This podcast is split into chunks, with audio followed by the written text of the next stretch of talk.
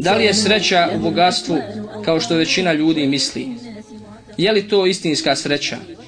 Većina ljudi u tome griješi i smatraju da je sretan onaj koji ima mnogo novca u banci, onaj koji ima veliko imanje iz grade, a neki ljudi samo tako kažu, a neki su u to ubijeđeni, pa se ponašaju shodno tom pogrešnom stanovištu. Sreća nije u sakupljanju i posjedovanju metka i bogatstva.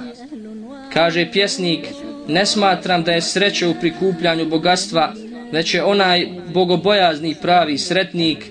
U zgrtanju i metka ja ne vidim sreće, već od pobožnosti nema veće sreće. Zadržat ćemo se kod pitanja da li je sreća u bogatstvu. Jer je to jedno od najvažnijih pitanja vezanih za iluzije o sreći. Nema sumnje da i metak čovjeku olakšava život na ovom svijetu, ali posjedovanje metka nije istinska sreća i svrha postojanja, jer svaki bogataš nije sretan.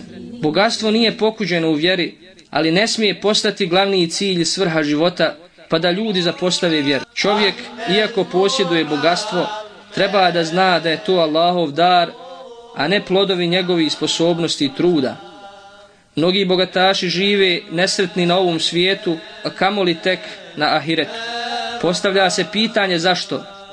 Zato što se zamaraju sa kupljanjem i metka i njegovim čuvanjem i umnožavanjem i na kraju brigom i strahom da će ga izgubiti. Koliko je bogataša koji posjeduju milijarde, ali se boje i zabrinuti su? Odakle je ta bojazan i zabrinutost? Zašto sav taj strah? Bogataši se boje za svoje bogatstvo, boje se da ne dođe do krize ili da im ga lopovi ne pokradu. Zašto žive nesretni, zamišljeni, tužni i noći provode u besenici? Često njihovo bogatstvo bude i uzrokom njihove propasti i smrti. Koliko je bogataša kindapovano i ubijeno? Koliko bogataša ne uživa u svom bogatstvu? Jer se ne mogu slobodno kretati, ne mogu putovati kako hoće, ne mogu spavati i to sve zbog svog bogatstva. Koliko je bogataša izgubilo svoj metak iz ovog ili onog razloga, pa ostatak života provode u nesreći i bijedi. Nama najbliži primjer je protekli rat, gdje su mnogi muslimani preko noći izgubili sav svoj metak, kuće, stoku, auta i sve ono što su čitav život sticali, pa sada žive kao izbjeglice u šatorskim naseljima diljem svijeta. Jedan od naj, najslikovitijih primjera navedenog je kuranska priča o Karunu u kojoj uzvišeni Allah Đelešanuhu kaže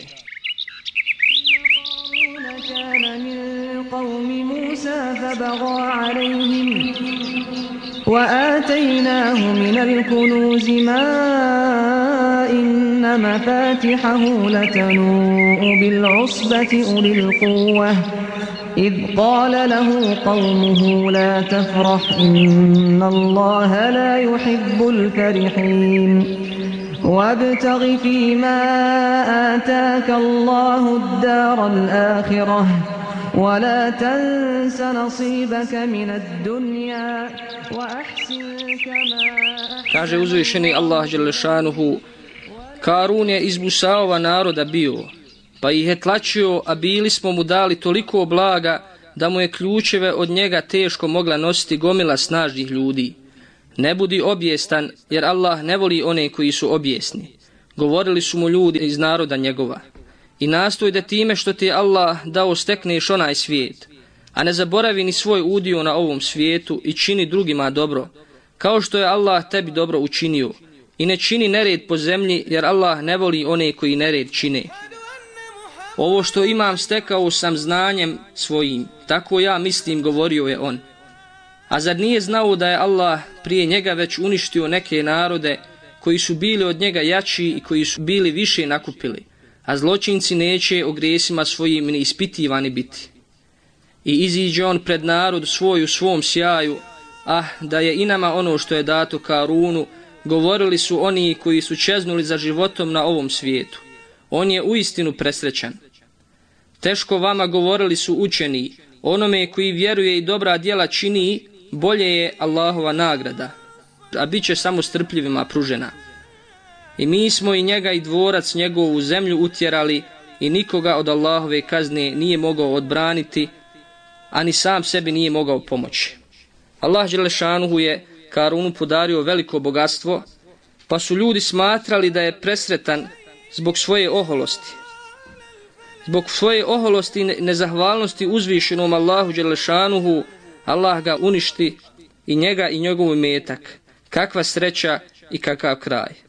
Loše li je bogatstvo od kojeg njegov vlasnik nema nikakve koristi. Također jedan od primjera i slučaj čovjeka koji se spominje u suri El Kehf. Kaže uzvišeni Allah Đelešanuhu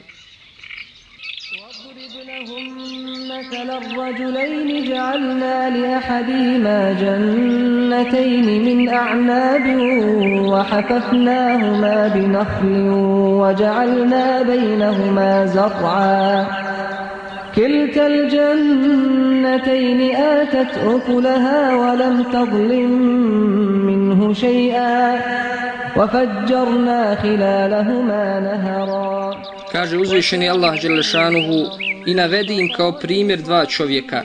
Jednom od njih smo dva vrta lozom zasađena dali i palmama ih opasali, a između njih njive postavili. Oba vrta su davala svoj plod, ničega nije manjkalo, a kroz sredinu njihovu smo rijeku proveli. On je i drugog imetka imao i reče drugu svome. Dok je s njim razgovarao, od tebe sam bogatiji i jačijeg sam roda. I uđe u vrt svoj nezahvalan gospodaru svome na blagodatima govoreći, ne mislim da će ovaj ikada propasti.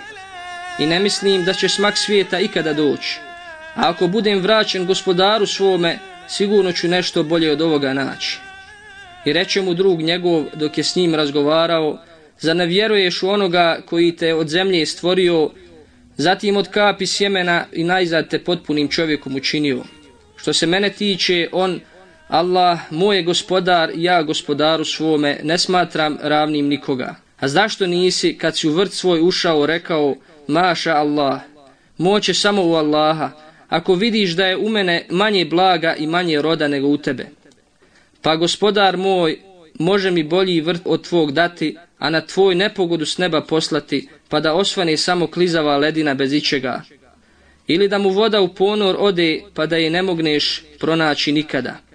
I propadoše plodovi njegovi, i on poče kršiti ruke svoje žaleći za onim što je na njega utrošio. A loza se bijaše povaljala po pod, podupiračima svojim i govoraše kamo sreće da gospodaru svome nisam smatrao nikoga ravni. Primjer iz novije historije priča o Kristini, o Nazis. Ova zanimljiva priča potvrđuje da bogatstvo, makoliko ga bilo, ne može samo po sebi biti razlogom sreće. Kristina Onazis je bila kćerka jednog poznatog grčkog milionera Onazisa, koji je posjedovao milijarde dolara, ostrva, brodove i još mnogo imanja. Ova djevojka nakon što je umrla njena majka, pa zatim otac i brat, postala je pored supruge svoga oca jedini nasljednik tog ogromnog bogatstva. Naslijedila je više od 5 milijardi dolara. Žena koja posjeduje više od 5 milijardi dolara vile, brodove i avione, nije li ona po mjerilima većine ljudi najsretnija žena na svijetu? Koliko bi ljudi željelo da je na njenom mjestu? Postavlja se pitanje da li je ona u istinu bila sretna u svom životu. Odgovor će nam biti jasan iz nekih detalja njenog života. Udala je se dok je još živjela sa ocem za jednog Amerikanca s kim je živjela nekoliko mjeseci, a zatim se razvela. Nakon smrti oca udaje se za jednog Grka i taj brak je trajao nekoliko mjeseci, a onda je uslijedio razvod. Nakon dužeg perioda, po treći put, udaje se za ruskog komunistu. Živjela je tako godinu dana, a zatim se razvela. Na jednoj zabavi u Francuskoj, novinari su je upitali, da li ste vi najbogatija žena? Odgovorila je, da ja sam najbogatija, ali i najnesretnija. I na kraju se udala za jednog francuskog industrijalca i primijetit ćemo da je birala muževe iz raznih zemalja, ne bi li našla pravu sreću. Nakon kratkog vremena rodila je kćerku, a zatim se razvela i od ovog muža. Ostatak života provela je u nesreći i očaju, a nakon nekoliko mjeseci pronađena je mrtva u jednoj vikendici u Argentini. Ne zna se da li je umrla prirodnom smrću ili je ubijena. Pogledajmo primjer ove žene i upitajmo se da li joj je bogatstvo donijelo ikakvu sreću. Na ovom svijetu sigurno nije, a na onom svijetu će reći, kao kaže uzvišeni Allah, A'udhu billahi mine šeitan rođim, Ma agna anni malije, heleke anni sultanije. Na onom svijetu će sigurno reći, bogatstvo moje mi nije od koristi bilo, snage moje više nema.